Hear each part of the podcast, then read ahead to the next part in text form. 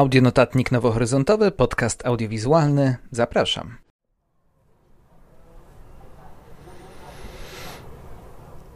Witam się bardzo serdecznie. Kolejny dzień nagrywania audionotatnika. Poprzedni, wczorajszy dzień nie nagrywałem, 17. Zrobiłem sobie od nagrywania przerwę, oglądałem filmy i zajmowałem się sprawami zawodowymi, e, ale wczoraj rano zrobiło się zdecydowanie zimniej e, i jakoś tak e, ta jesień nadchodzi. Przesunięcie nowych horyzontów o parę tygodni do przodu sprawiło, że no nie ma już tej, takiego, takiego letniego powietrza przez cały czas i takiego upalnego. No i mam wrażenie, że tak tak przez e, te wczorajszy i dzisiejszy dzień jesień walczy sobie z latem e, i czujemy już to, co nadchodzi i co za chwilę będzie. E, I to naprawdę się tak przeplata, że są fragmenty dnia, kiedy jest naprawdę bardzo ciepło, a są takie, kiedy jest już jesiennie i pada deszcz, czasami są burze. Zobaczymy jeszcze, jak to będzie dalej. Natomiast wczorajszy dzień to między innymi ćmi, ćmy Piotra Stasika, bardzo ciekawy reżyser, który całkiem niedawno e, zrobił film o Krystianie Lupie, który budził bardzo różne opinie, bo bardzo też e, prawdopodobnie w zależności od tego, jaki mamy stosunek do Krystiana Lupy i też do tego, co się dzieje w dzisiejszym teatrze i do postaci takich wielkich mistrzów, e, to inaczej ten film był odbierany. Fragmenty prób lupy no i właśnie różne zdania na ten temat. Natomiast ćmy są czymś troszkę innym. E, warto pamiętać, że Piotr Stasik, który mm, bardzo tak rozbłysł, kiedy zrobił film o Tadeuszu Rolkę i jego takiej podróży z młodym, e, początkującym fotografem, stał się reżyserem, który odchodzi od klasycznego dokumentu Polski dokument jednak jest bardzo tak mocno zakorzeniony w ludziach, raczej forma jest e, dość sucha w polskim dokumencie, nie wbija się na plan pierwszy, jest tylko kilku takich e, twórców, którzy tą formą się bawili w ostatnich latach, to przede wszystkim pamiętam Bartka Konopkę, który właśnie robił takie kreacyjne dokumenty. No a tutaj właśnie mamy mm, Piotra Stasika, który już przy filmie e, o Nowym Jorku, 21 razy Nowy Jork, pokazywał, że e, bawić się formą umie, potrafi i chce. Chce jakby szukać takiego czegoś bardziej pojemnego w dokumencie niż tylko prostej obserwacji. Jego filmy są bardzo dopracowane estetycznie, operatorsko, montażowo i muzycznie. Zresztą on sam mówi, że muzyka spełnia taką szczególną funkcję w jego filmach. Ćmy to też produkcja, która mnie e, interesowała z kilku powodów. No, jest to film, który jest w konkursie e, w tym roku, czyli to już pokazuje, że e, będzie to produkcja niestandardowa. Jest to chyba jedyny polski film w konkursie nowohoryzontowym. A poza tym film eksploruje temat okrucieństwa, przemocy, władzy, w każdym razie takich mrocznych instynktów, które pojawiają się wśród młodych ludzi, wśród ludzi, wśród dzieci, czyli wśród ludzi, których uważamy za e, niewinnych e, i porównują, porównywali już niektórzy ćmy do Władcy Much.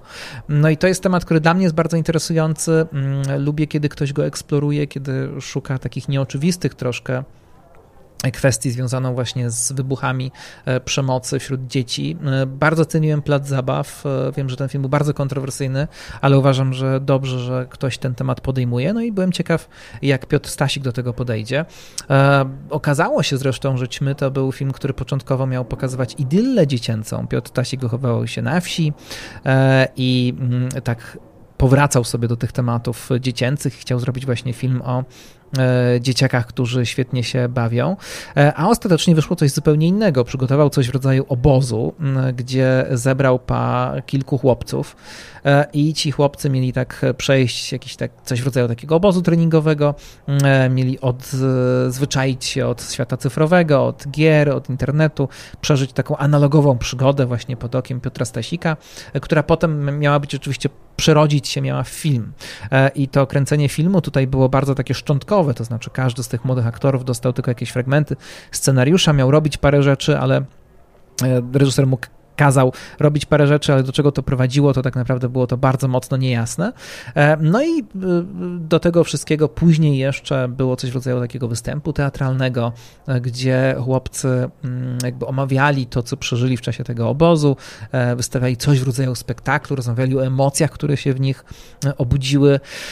E, natomiast co ciekawe, sam film powstawał tak naprawdę w montażu. Z tego wszystkiego, z tego całego materiału, który Piotr Stasik e, z tymi chłopcami nakręcił, powstało coś w rodzaju właśnie impresji, e, czegoś bardzo poetyckiego, ale w jakimś sensie abstrakcyjnego. Historia, mm, opowieść o chłopakach, którzy w jakimś dziwnym świecie, może postapokaliptycznym, e, byli na obozie związanym z grami komputerowymi, potem z tego obozu uciekli, założyli coś w rodzaju jakiegoś takiego własnego, może nie państwa, ale jakiegoś własnego miejsca, gdzie, rządziło, gdzie rządziły się e, ich, gdzie wszystko się rządziło według ich zasad i potem oczywiście, jak to w tego typu historiach bywa, zaczęły się wewnętrzne konflikty, wybuchy agresji, przemocy, walki o władzę, walki o dominację, jest tutaj poszukiwanie lidera, jest na przykład takim ważnym elementem tego filmu.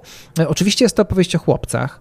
E, sam Piotr Stasik mówi, że ten męski mę, te męskie instynkty są takie zgubne, że te ćmy latają ciągle do mm, ognia, dlatego że przez całą historię ludzkości właściwie e, tego typu e, instynkty sprawiały, że mm, człowiek jako gatunek właściwie ulegał samozagładzie, e, poddawał się własnemu okrucieństwu i to się ciągle powtarza. Może właśnie dlatego, że ten świat jest zbyt męski. W pewnym momencie wśród tych chłopców pojawi się kontrapunkt w postaci dziewczyny. E, no i jak to wszystko potem zagra, to będzie można sprawdzić. Ja myślę, że ćmy będą miały, e, nawet jeśli ograniczoną to dystrybucję kinową, wtedy jakby rozwiąże się ta kwestia. Natomiast no jest, to, jest to film interesujący, jest to też film, który mówi o zbiorowości.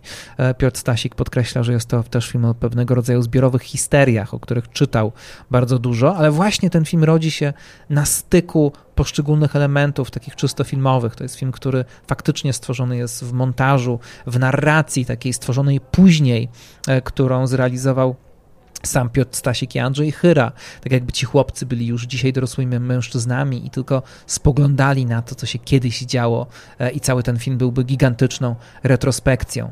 E, to dużo takich ciekawych, takich parateatralnych też właśnie e, zabiegów tutaj jest. Z pewnością takiej powagi temu filmu, temu filmu dodaje muzyka, a muzyka jest tutaj Pawła Mykietyna. Nie jest to muzyka oryginalna. Piotr Stasik wykorzystał przede wszystkim obszerne fragmenty pasji według świętego Marka. Stasik mówi, że muzyka zawsze pełniła bardzo ważną rolę w jego filmach. Tutaj, e, no właśnie, mm, jakby ona organizuje tak naprawdę rytm i cały nastrój tego filmu. E, co ciekawe, oczywiście pasja Mykietyna jest opowieścią męce Chrystusa, dość specyficznie zresztą opowiedzianą. Chrystus tam jest głosem kobiecym.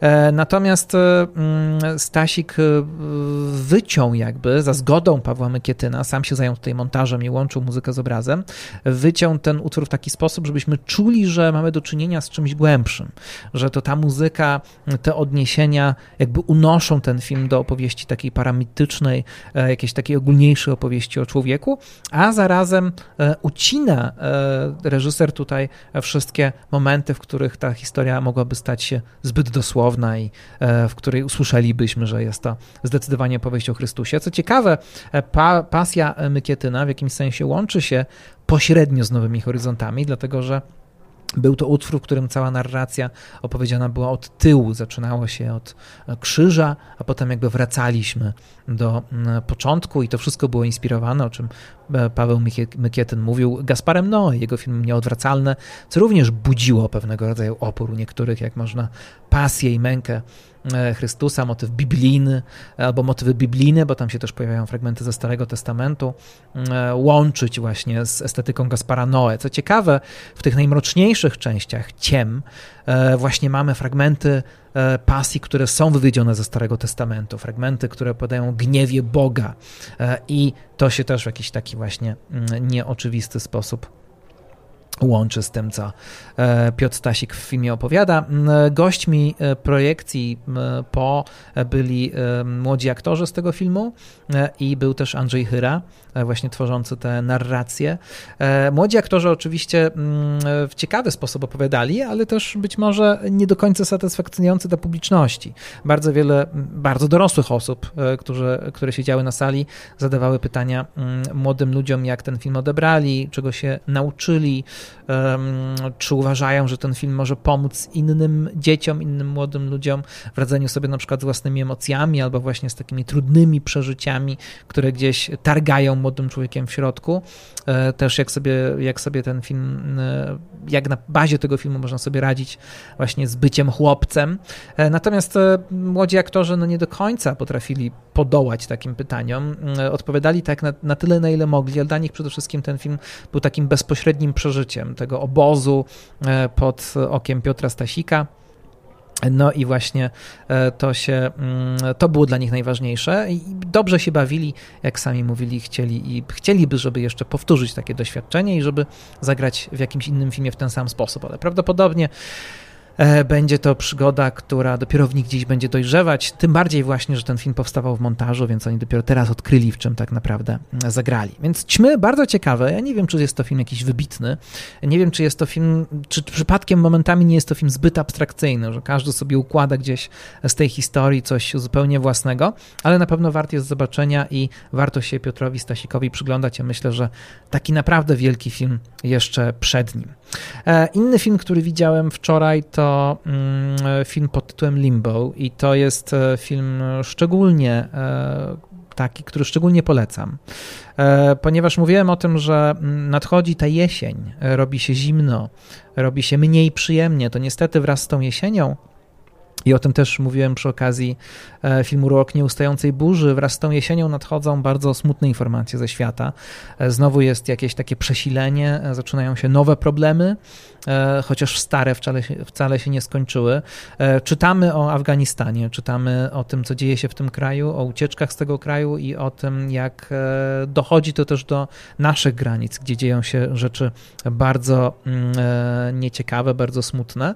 No i okazuje się, że kino w jakiś sposób łączy się mm, z całą tą historią. Z jednej strony obrazu odzwierciedla to, co się dzieje albo co może się stać, ale z drugiej strony na szczęście niesie jakiś rodzaj e, może nie tyle pocieszenia, ale jakiegoś takiego spojrzenia z zewnątrz, czyli jakąś refleksję, nawet całkiem optymistyczną w jakimś sensie, bo film Limbo, bardzo taki skromny mm, film szkocki, ale bardzo dobrze przyjmowany przez publiczność.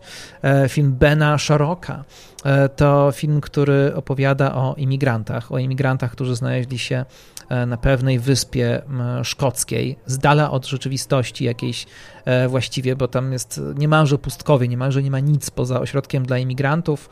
W pobliżu jest jakaś wioska, w której prawie nic nie ma, więc cywilizacji nie widać nawet na horyzoncie. To są puste zupełnie przestrzenie pozbawione czegokolwiek żyjącego i pozbawiony jakichkolwiek miast. Gdzieś tam wszyscy w tym filmie są odizolowani, więc naprawdę czują się jakby byli w takim limbo.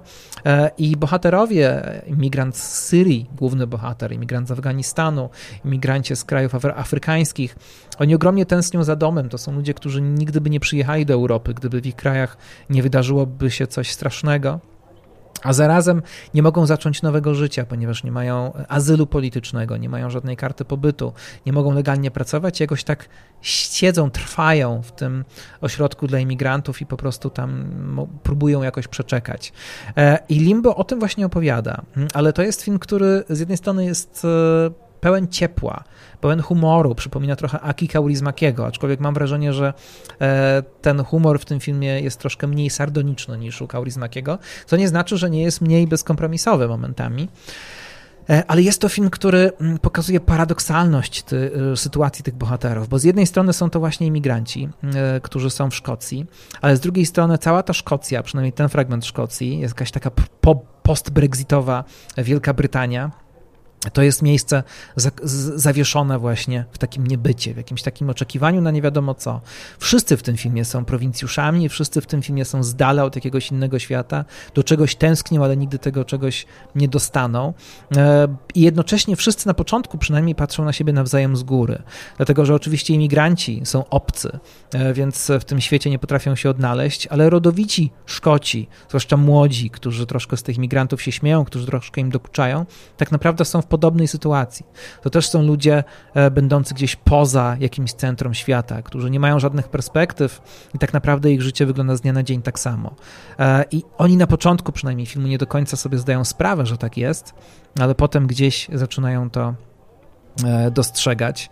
E, imigranci też patrzą na siebie na początku wrogo, nie są wcale dla siebie tacy bardzo przyjaźni, e, każdy pochodzi skąd inąd i ma wobec siebie różnego rodzaju stereotypowe myślenie, a do tego wszystkiego jeszcze mamy taką bardzo groteskową, zabawną parę ludzi, którzy pracują w tym ośrodku dla imigrantów i próbują naszych bohaterów uczyć, jak sobie radzić w cywilizowanym świecie, a to również są jacyś, jak to się dzisiaj mówi, przegrywi, to ludzie, którzy e, chcieliby być gdzieś indziej, e, ale znaleźli się właśnie tutaj. I wszyscy, wszyscy są w jakimś takim świecie bardzo dalekim i próbują sobie z tym jakoś radzić. To jest film, który mm, pokazuje też e, stopniowo, z jednej strony ten film jest, śmieje się też z politycznej poprawności w jakimś sensie, bo pokazuje, że jest to też taki koncept, który dla tych imigrantów może być obcy i którego muszą się nauczyć, mimo że on niby ma im służyć, ale jest w jakimś sensie dla nich abstrakcyjny i trzeba, te reguły są bardzo arbitralne, e, jakich trzeba przestrzegać, żeby nikogo nie obrazić, a zarazem jest to film, który uczy pewnej życzliwości, wszyscy gdzieś od siebie się nawzajem uczą, wszyscy sobie pomagają w końcu w jakiś sposób. I nawet jeśli w Limbo ludzie są troszkę piękniejsi, troszkę lepsi niż są naprawdę, to jest to film, który jakoś niesamowicie e, przy okazji tego, o czym się dowiadujemy, trafił w swój czas, e, daje też właśnie dużo do myślenia i e, jakoś to mm, odzwierciedla.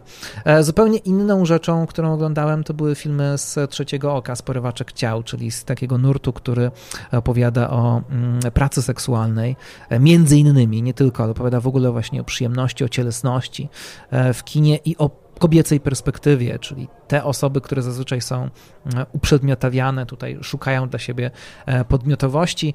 Dwa tylko filmy widziałem, ale oba w sumie dość ciekawe, czyli Szczęście Henryki Kuhl i Pleasure Ninji Thyberg. Szczęście to takie bardzo europejskie kino społeczne, jednocześnie pełne uczuć, bardzo kameralne, o dwóch kobietach pracujących w Niemczech, w Berlinie, e, właśnie jako sex workerki, e, które każda z nich ma jakiś swój problem, jedna jest młodsza, druga e, troszkę starsza, jednocześnie zaczynają się sobą fascynować, zaczynają się w sobie zakochiwać i ten film ma tak jakby dwie płaszczyzny, jedna taka bardzo naturalistyczna, werystyczna, kręcona zresztą w prawdziwym miejscu, e, gdzie praca seksualna się odbywa. I to jest ważne, bo reżyserka Henryka Kuhl zrobiła sporą dokumentację kręcąc ten film e, i jak sama mówiła, takie miejsca wyglądają inaczej niż w stereotypach. E, I ona przynajmniej natknęła się na miejsca, w których kobiety bardzo sobie pomagają mm, we wzajemnym jakimś szacunku i w tym, żeby sobie, żeby sobie radzić. No a z drugiej strony mamy właśnie tą intymną warstwę, już nie, nie paradokumentalną, ale mm, uczuć, e, gdzie to nie jest łatwe, żeby te dwie kobiety e, mogły znaleźć szczęście, a jednocześnie e, jakoś szukają, jakoś szukają też domu, bo każda z nich swój dom z innych powodów e, musiała opuścić. Więc w jakimś sensie to są imigrantki. E, imigrantki z małych miast, w których się urodziły, których nie były akceptowane i trafiły gdzieś do no, zupełnie innego świata i tam sobie radzą, ale to nie jest e, wystarczające. Henryka Kuhl z jednej strony mm, przygląda się pracy seksualnej, przygląda się pracy, w której te kobiety starają się mieć władzę nad własnymi ciałami i przynajmniej mieć jakąś podmiotowość, a zarazem, jak sama twierdzi, wspierając seks workerki, e, nie podoba jej się świat, w którym coś takiego musi istnieć, więc e, ma tutaj takie podwójne jakby podejście do mm, tej sytuacji. Natomiast Pleasure Ninja Tyberg to film, który przynajmniej początkowo wydaje się, że jest bardzo drapieżny, ale tak naprawdę opowiada po prostu historię mm, dziewczyny, która przyjeżdża ze Szwecji do Stanów Zjednoczonych i tam zaczyna pracę w biznesie pornograficznym i też przyglądamy się temu, jak to wygląda z bliska. To jest film, który nie boi się, który nie jest purytański, nie, nie odsuwa się jakby od istoty sprawy, ale zarazem w żaden sposób nie powiela stereotypów e, male gaze'owych, nie ma tutaj żadnych ujęć, które mogłyby być atrakcyjne tak naprawdę.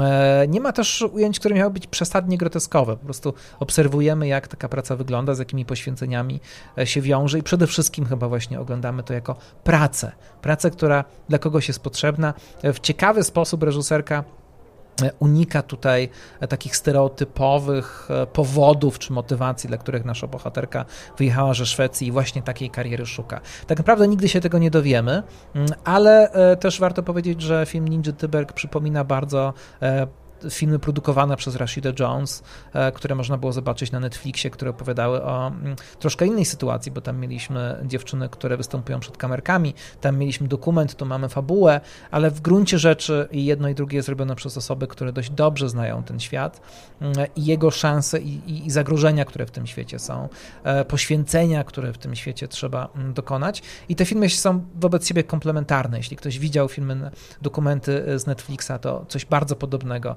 dostanie w filmie Pleasure, ale jest to film bardzo sprawnie zrealizowany momentami zabawny, ale też jakby zostawiający chyba bardzo dużo dla widzów co do tego, jak ocenić całą tę sytuację. Więc tyle, mm, tyle wczoraj. E, natomiast e, dzisiaj jest 18. Za chwilę będę e, wybierał się do centrum miasta, gdzie spotkam się z Adreną Prodeus i będziemy rozmawiać o elementarzu polskiej kultury. Ja oczywiście bardzo zachęcam do tego, żeby tę naszą książkę napisaną razem z Małgosią Miśkowiec i Ewą Solarz przeczytać. To taka pigułka, jeśli chodzi o to, co ciekawego polska kultura zaoferowała światu w ciągu ostatnich 100 lat. Jest to książka, myślę, szczególnie może być ciekawa dla młodych ludzi, e, dla nastolatków, dla licealistów, licealistek, e, które wchodzą dopiero w ten świat i właśnie może to być taki początek ich kulturalnej inicjacji. E, z pewnością jest to książka, która ma swoje ograniczenia. Elementarz zawsze niesie jakieś ograniczenia. Coś trzeba było wybrać, coś do tej książki nie weszło. Ja mimo wszystko bardzo ją polecam. I polecam, żeby posłuchać tej rozmowy, bo myślę, że będzie bardzo ciekawa. Właśnie z Adrianą Prodeus będziemy się przyglądać i polskiemu kinu, bo przede wszystkim polskie kino jest tutaj e, tematem, ale będziemy się temu kinu przyglądać w sposób nieoczywisty e, i niejednoznaczny. E, będziemy się przyglądać obrzeżom może troszkę polskiego kina, ale porozmawiamy też właśnie o samej idei elementarzy i po co w ogóle robić tego typu kanony. E, I ta rozmowa pojawi się na moim profilu i na profilu Tajnych Kompletów, bo to wszystko będzie właśnie w tej znakomitej księgarni w centrum Wrocławia, e, ale też e, na profilu wytwórni, no, czyli wydawnictwa, które wydało e, naszą książkę, mm, więc tam będzie można tego szukać. Jeszcze nie dziś, ale rozmowa się pojawi. A natomiast ostatnia rzecz, którą, ostatni film, o którym warto powiedzieć, a który dzisiaj widziałem, Żarliwość Koji Fukady, to chyba najdłuższy film festiwalu, 4 godziny. Koji Fukada, mało znany polski, w Polsce chyba reżyser, ale to jest ciekawe, że jeszcze parę lat temu, nie wiem, 10 lat temu, kiedy studiowałem filmoznawstwo, e, współczesne kino japońskie e, kojarzyło się głównie z kinem ekstremalnym, z kinem, nie wiem, Shinizu Kamoto, e, Takashi Miike. To często było znakomite kino, bardzo błyskotliwe i wyrafinowane formalnie, ale właśnie smak Azji e, kojarzył się ze smakiem ostrym, e, ze smakiem, który e, jest, wywołuje dyskomfort i który przekracza pewne granice, właśnie i artystyczne, i tego, co można pokazać na ekranie, jak można traktować, nie wiem, przemoc czy seksualność. Tam zawsze się pojawiał ten taki dy, dy, dy, ryzykowny temat przemocy, rozumianej jako coś, co niesie przyjemność, jako coś, co daje widzowi pewien rodzaj rozrywki, a jednocześnie niektóre z tych filmów niosły oczywiście ze sobą refleksję na temat przemocy. Natomiast od jakiegoś czasu kino japońskie, e, to eksportowe, e, jest e, powiązane znowu z kinem rodzinnym, z kinem obyczajowym. Znawcy kina japońskiego mówili, że zawsze to była mocna część tego kina, ale nie zawsze e, te filmy dochodziły jakby do nas i teraz widać ten powrót. Jeśli przychodzimy na nowe horyzonty dzisiaj, wybieramy się na film japoński, to najczęściej dostaniemy właśnie obyczajową e, historię, często powiązaną e, z wątkami rodzinnymi, a Żarliwość to mm, dzieło reżysera, o którym niektórzy mówią, że to japoński że to japoński Eric Romer, bo to właśnie takie kino, kino, które właściwie przez długi czas, e, przez długie minuty wygląda jak teatr telewizji, który jest oparty przede wszystkim na dialogu, na ludziach, e, które jest bardzo oszczędne, w którym nie ma muzyki i mimo, że żarliwość jest oparta na komiksie, na mandze, e, to jednak właśnie to kino w ten sposób wygląda e, i trzeba bardzo głęboko e, wejść w ten film, żeby polubić bohaterów, poznać ich, poczuć się jakbyśmy, jakbyśmy byli ich znajomymi i potem bardziej przeżywamy jakby to wszystko, co im się wydarza. Zabiegi filmowe, które w tym filmie się pojawiają, muzyka, która pojawia się dosłownie w paru momentach, są niesamowicie oszczędne więc e, czterogodzinny film, który ogląda się tak, e, który jest zrobiony tak na sucho jakby, może być męczący, ale stopniowo wchodząc w tę opowieść, zwłaszcza oglądając jak ona, mm, do jakiej e, kody ona prowadzi, no to staje się to coraz bardziej interesujące i w ogóle lubię też takie doświadczenie małej historii e, opowiedzianej właśnie w taki sposób, że ona trwa bardzo długo. Trzeba coś sobie przezwyciężyć, żeby taki film oglądać. Zresztą w oryginale Żarliwość była serialem, serialem ośmiogodzinnym, który reżyser Koji Fukada e, przyciął na potrzeby kina do czegoś troszkę krótszego, a w środku mieliśmy e, zresztą przerwę w tym filmie. Mm, co prawda seans nie został przerwany, ale napis intermission się pojawił, więc można było e, w tym czasie e, sobie od, na chwilkę odpocząć. Takie filmy między innymi mm, oglądałem, więc warto gdzieś na nie zwracać uwagę. Zdecydowanie i Limbo, i Ćmy to filmy, które można poszukać i można się im przyjrzeć. Zachęcam do tego, żeby je obejrzeć. A kto wie, może i żarliwość dla miłośników kina japońskiego e, będzie czymś e, interesującym. W tym momencie idę na spotkanie, e, a będzie jeszcze druga część tegoż notatnika nowohoryzontowego.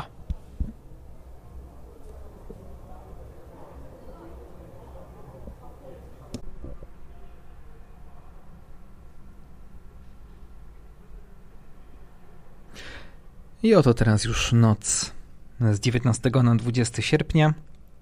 Festiwal Nowe Horyzonty powoli, powoli zbliża się do końca.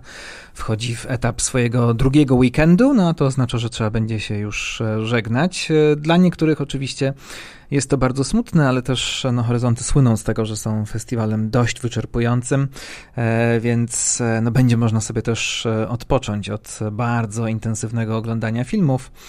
No a skoro noc, to warto powiedzieć o nocnych rzeczach, bo mm, pasuje to do mm, przynajmniej tego, co ostatnio oglądałem. Wczoraj ostatecznie po spotkaniu w Tajnych Kompletach w księgarni z Adreną Prodeus które tak nawiasem mówiąc to spotkanie bardzo wypadło interesująco, mm, było o czym rozmawiać i też e, mimo kameralnego bardzo grona e, wywiązała się pewna dyskusja i mam nadzieję, że będzie interesująca też dla słuchaczy audiowizualnego, jak już się e, pojawi w internecie. E, natomiast później czas było zahaczyć o nocne szaleństwo, czyli ten słynny element Nowych Horyzontów, gdzie pokazywane są filmy mm, odjechane, brutalne, ekstremalne, w których czasami jest jakiś niesamowity humor, a czasami po prostu z niesamowitym humorem podchodzi się do nich po to, żeby dobrze się bawić. Czasami też na noc nocnym szaleństwie pokazywane są filmy całkiem poważne, ale które po prostu e, przekraczają pewne granice i dlatego jest to taka ekstremalna atrakcja oglądanie tych filmów. E, Pewną taką kontrowersją, jeśli chodzi o nocne szaleństwo, jest też to, że właśnie czasami publiczność bywa zbyt rozbawiona, a ostatnio, mm, nie wiem jak było w poprzednich latach, ale e, w tym roku mm, pewnym takim rytuałem podczas nocnego szaleństwa jest e, otwieranie, dźwięk otwieranych puszek na sali w czasie, kiedy zaczyna się film i oczywiście można się domyślać, e, z czym te puszki są. No i też jest to ciekawe, że mm, no, teoretycznie nie powinno się nic pić na sali, skoro mamy mieć maseczki. No ale to taki rytuał właśnie mm, tegorocznych Nowych Horyzontów. E, teraz mamy e, Wrocławską Noc e, i wczoraj Cenzor, Prano Bailey Bond, film, o którym pisałem już na Facebooku, film, na który wiele osób bardzo czekało i no, o którym też teraz pisze się w Wielkiej Brytanii, bo to reżyserka e, zaczynająca właściwie swoją karierę filmową. E, film, który zaczyna się bardzo, bardzo klimatycznie, który przenosi nas do czasów późnego taczeryzmu, e, do okresu, kiedy mm, panowała moralna panika, bano się brutalnych filmów, brutalnych horrorów, które zalewały rynek na kasetach VHS wtedy i to zresztą też charakterystyczne właśnie VHS sprawiał, że masowo oglądano to, czego oglądać się nie powinno i co może być zagrożeniem dla e, moralności, może być też zagrożeniem dla dzieci. No i mamy tutaj grupę cenzorów, a przede wszystkim bohaterkę, e, cenzorkę, która e, musi oglądać sporo takich filmów i wycinać je i potem je odpowiednio klasyfikować. To wszystko jeszcze jest powiązane z pewną traumą, którą ona przeżyła, a do tego oczywiście mamy ten klimat społeczno-polityczny tamtych czasów. Film ewidentnie jest satyrą na, na czasy tacierowskie. To nie jest pierwszy film w ostatnich latach, który się na ten temat pojawia i używa się bardzo różnych konwencji, często właśnie konwencji takich około horrorowych do tego, żeby jakby na nowo rozliczyć się mm, z taczeryzmem, z tymi czasami pseud, niby prosperity, niby niby bardzo takiej świetności gospodarczej, ale podszytej pewnym terrorem. E, I właśnie tutaj też to jest bardzo ciekawie pokazane do pewnego momentu, ale od pewnego momentu jakby puszczają hamulce reżyserce i mm, traci pewien e, E, pewną dyscyplinę mm, i zaczyna jakby wszystko wsadać do swojego filmu. E, właściwie to nie wiadomo, czy próbuje robić film zabawny, czy robi, robi satyrę społeczną, czy robi coś takiego bardziej poważnego, bardziej przerażającego.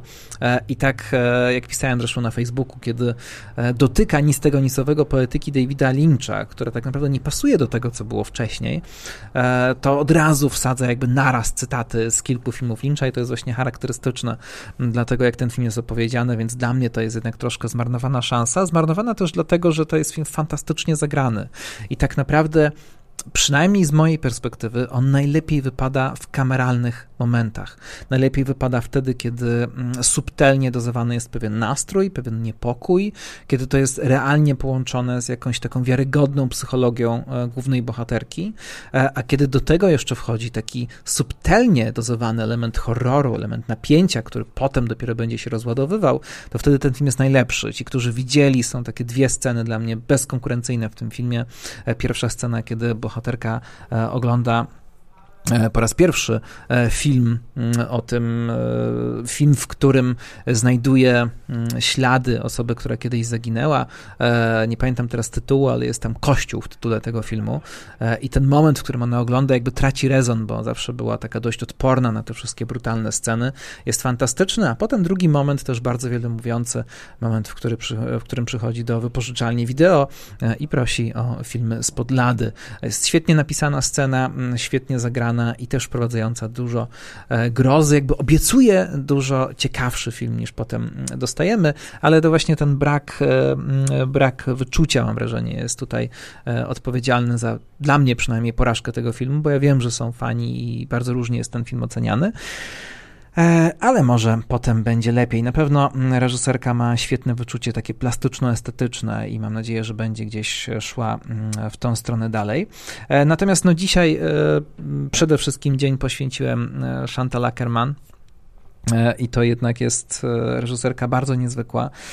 W ogóle tak naprawdę mm, Nowe Horyzonty to jest taki festiwal, który bardzo lubiłem zawsze ze względu na retrospektywy i bywało tak, że tak naprawdę przede wszystkim na retrospektywy jeździłem.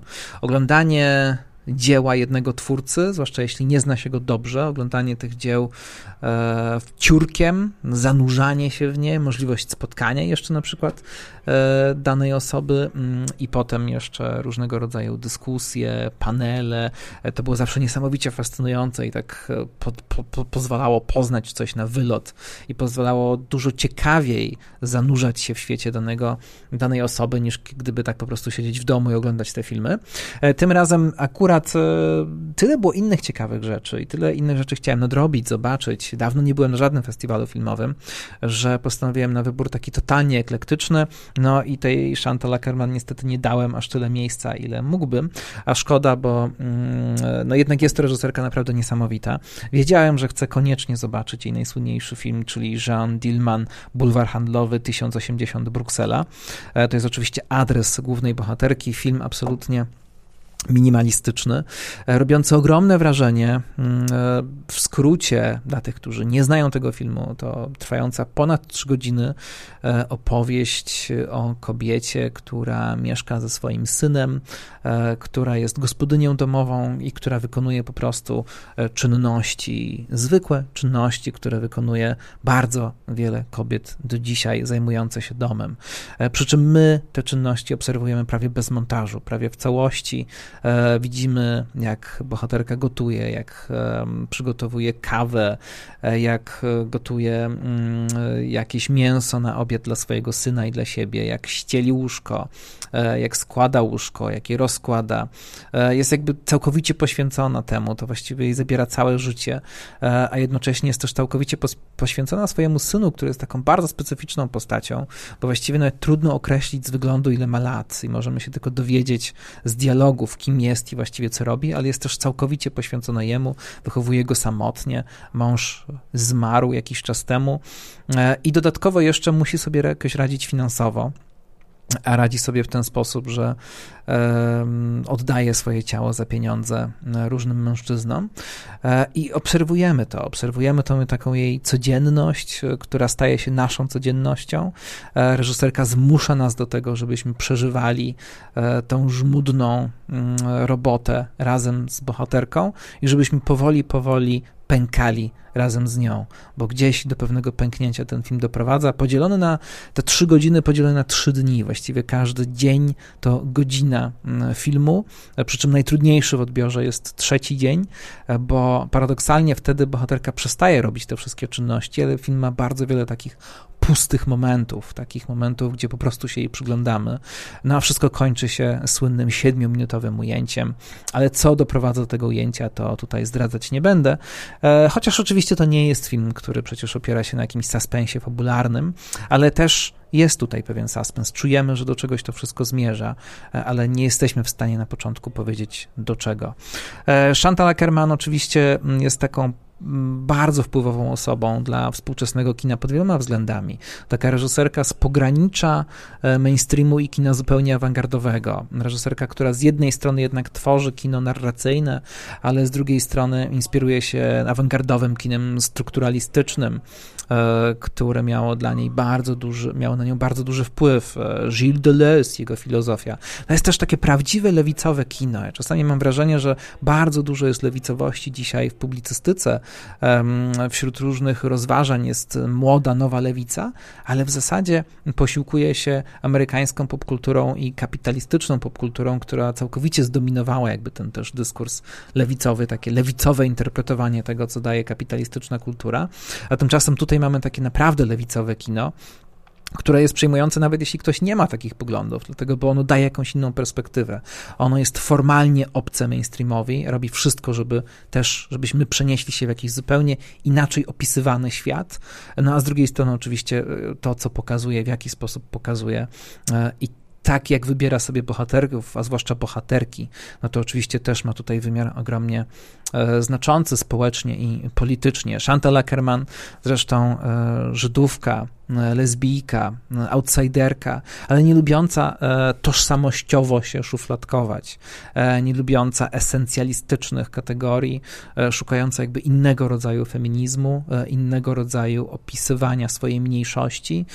Zawsze uważała się za osobę z mniejszości, zawsze o mniejszościach chciała opowiadać, to jej kino jest kinem z definicji mniejszościowym, ale właśnie bez tego typu, bez tego typu łatek.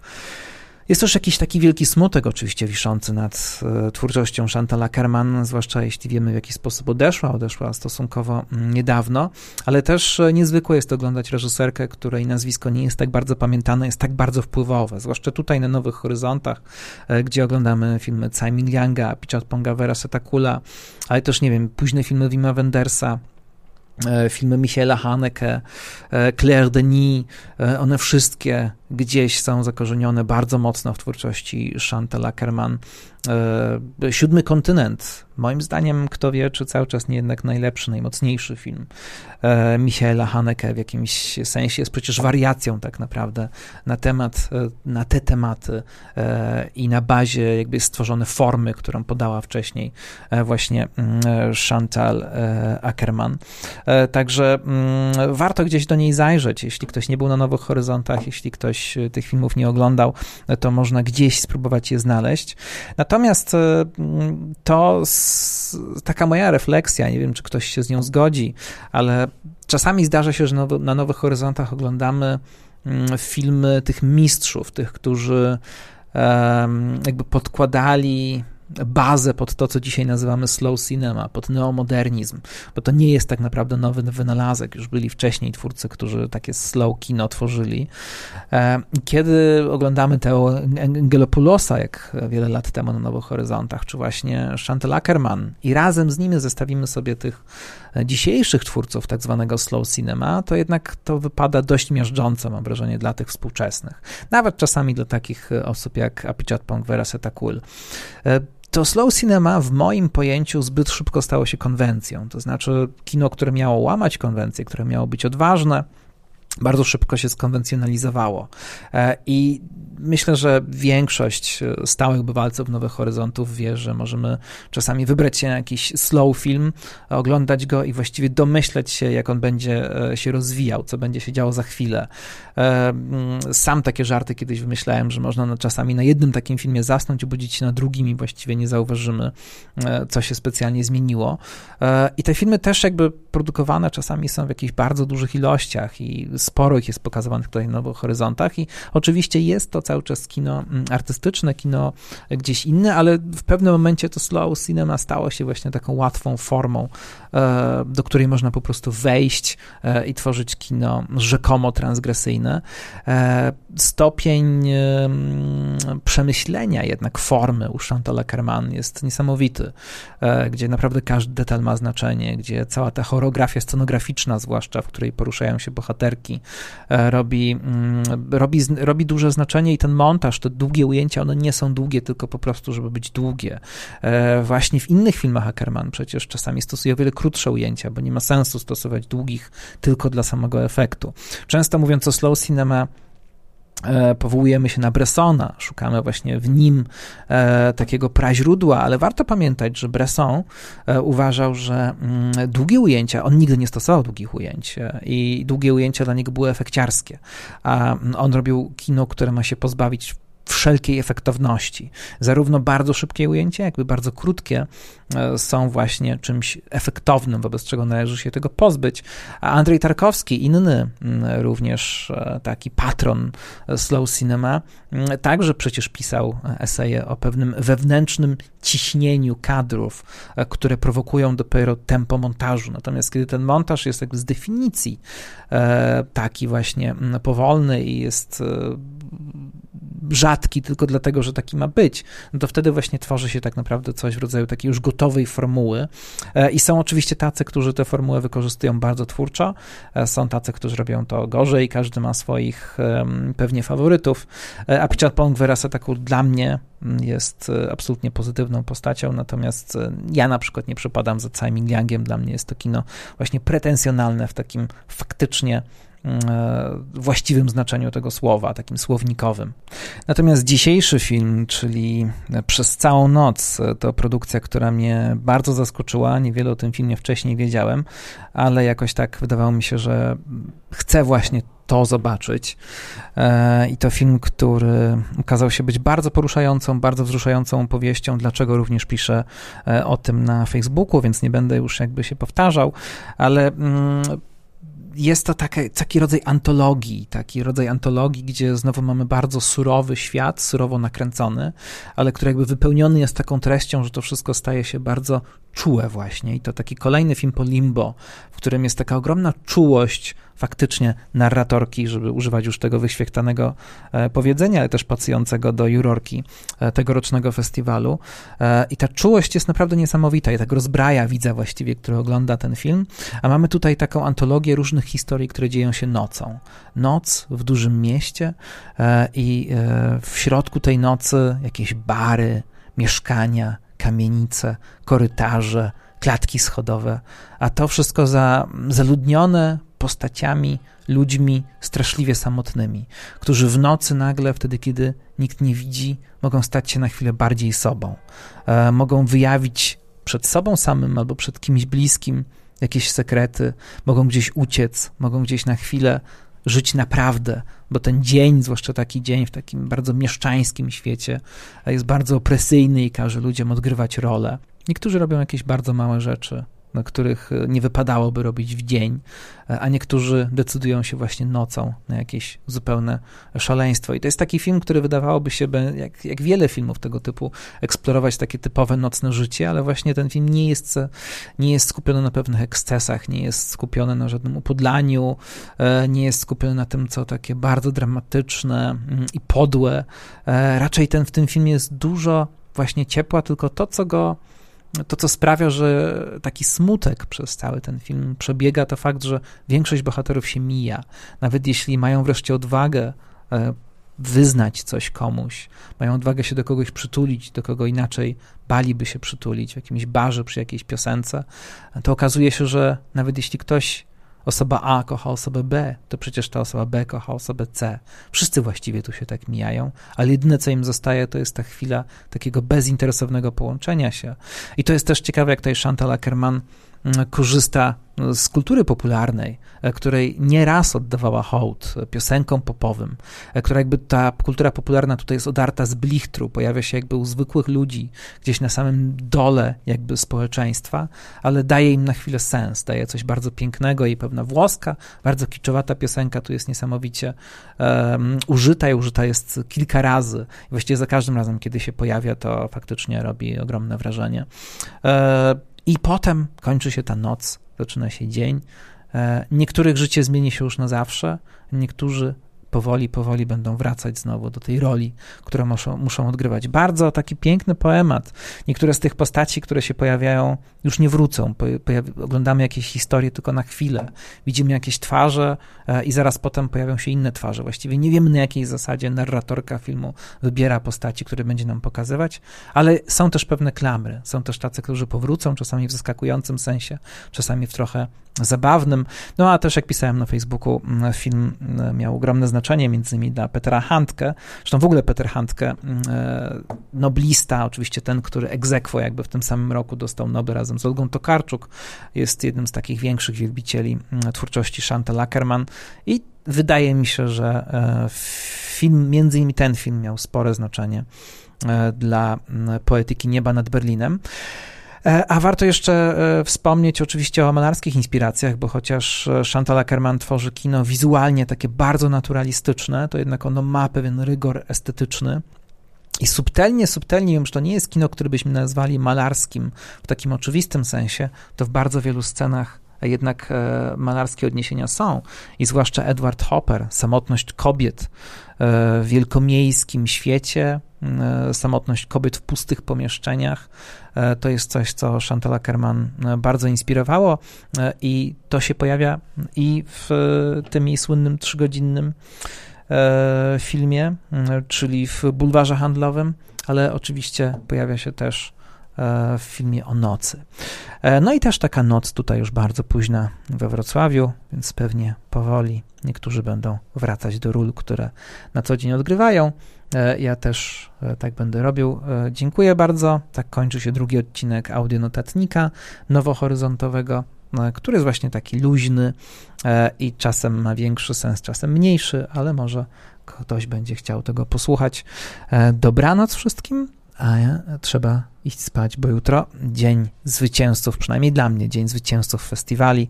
Zaczynam od filmu, który wygrał Berlin, kończę na filmie, który wygrał Cannes. Do usłyszenia. C'est peut-être comme il parle, ou plutôt comme il regarde.